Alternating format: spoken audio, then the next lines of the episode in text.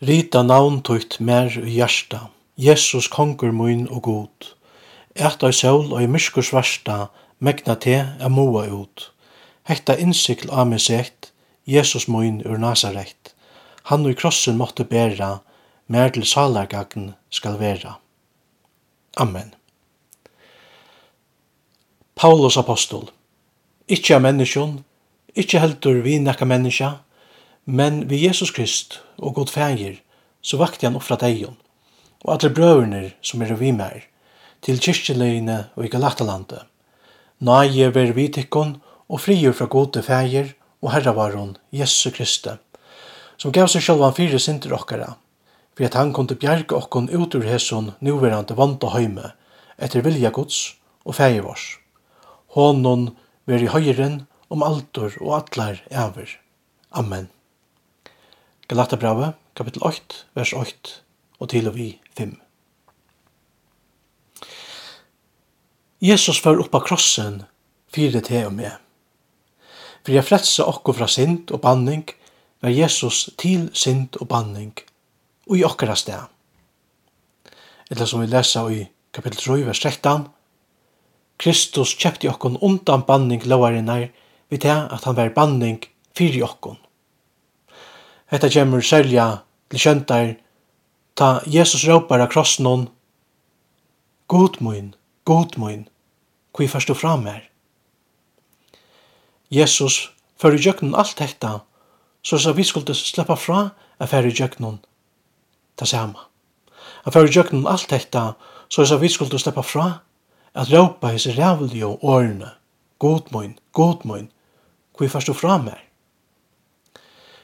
Jesus var til banning fire okkon. Så sikningen, sikning Abrahams og høylaver ante, øyne kunne koma til tøynemoen. Henta Arva semjan er stærfest, sier Paulus, og i Galaterbrannon 3.14. Et nekka som er stærfest. Ta Paulus brukar året Arva semja, brukar han eit år som Galater og vit ånder sagt hans kunne skilja ein arvasemja er jo det som det samme som et testamente. Og ta testamentet til en menneske stedfest kan ungen annullera det, eller legge nekka trekt. Arvasemjan er altså stedfest. Hon er og verur opprøytlig nu og i allar æver. Abraham troe gode, og det var rokne honom til rettvise. Jeg som maten at rettvistgerast på er galtande og Jesus og bæra og i honom til at lyfti om sikningsna var jo tenkt at jeg kom noen tja Abraham.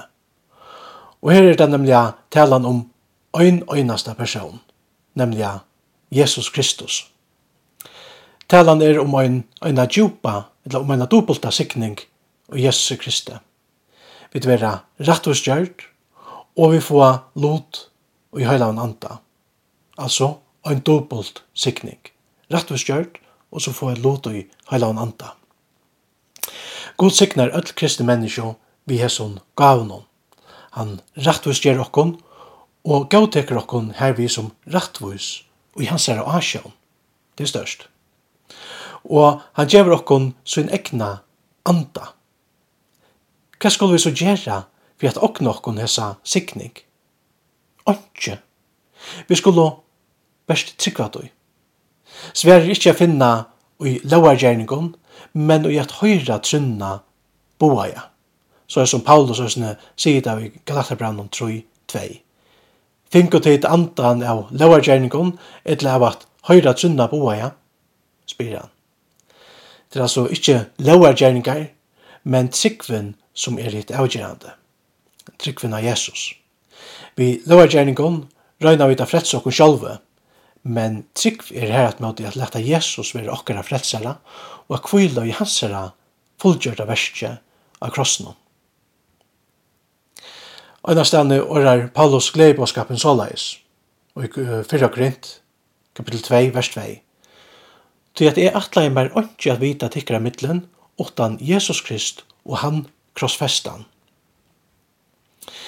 vi krossen, og bære her finna vi rettforskjering og gavo høyla i andans. Og det øyneste som vi skulle gjøre for å få det, er at trykva du.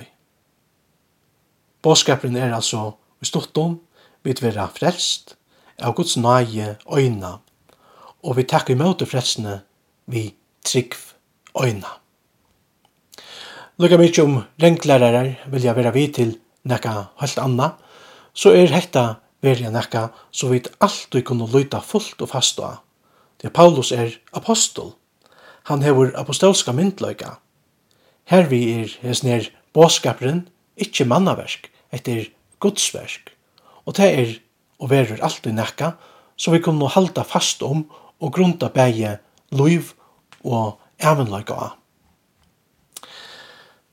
Og i Galaterbrannum 5.8 Amener Paulus Galatare sier, Til fralses hever Kristus fri okkon, standet du i faster, og lettet tar ikkje atter få at ikkon inn under traldams åk. Hentan ameningen er òsne til okkon, til Paulus er, som sagt, apostol. Båskaperen er hervi godomlige myndløyga. Er altså talan om den endalige myndløygan, som vi ødel øya at luta fyrir, beie galatar og vit her i det. Til fralses hever Kristus fruja, òsne te og me. Han hever gjørst okkon fru fra banning lavarinnar, vi te at han var banning og i okkara sted, fyri okkon. Her vi hever Jesus gjørst okkon fru fra ötlun krøvun, til at öll gods krøv til okkon vore kort iver av Jesus av Golgata. Hette er det som også vil kalla hitt sæla bøyte. Jesus var banning fyrir okkon, og tog møkter god okkon øynans vi nøye. Jesus er ende lovarinnar. Rattvise som loven krever, vil nu givet til okkon av nøye øyna vi trygg øyna. Til fralses hever Kristus fri okkon, standet og faster, og lette tar ikkje atter få at ikkon inn under traldoms åk. Lette jokkon öll bia. Fei var, tu som ersta himnon, høylagt vere navn tutt, kommer rujtje tutt, vere vilje tøyn som i himne så gjør. Gjev okkon i det akkurat daglige brei, og fyrir gjev okkon sinter okkara, så så vidt òsne fyrir gjev tøymon vi møte okkon synda, og lai okkon ikkje frøstingar, men frels okkur fra til ytla, til at tøytte rujtje, valde og høyren om atlar aver. Amen. Herren var signe til og varvete til. Herren lett i anlesutløse ive til og veri til naivor. Herren lytte jo på asjansunni ive til og gjevet til fri.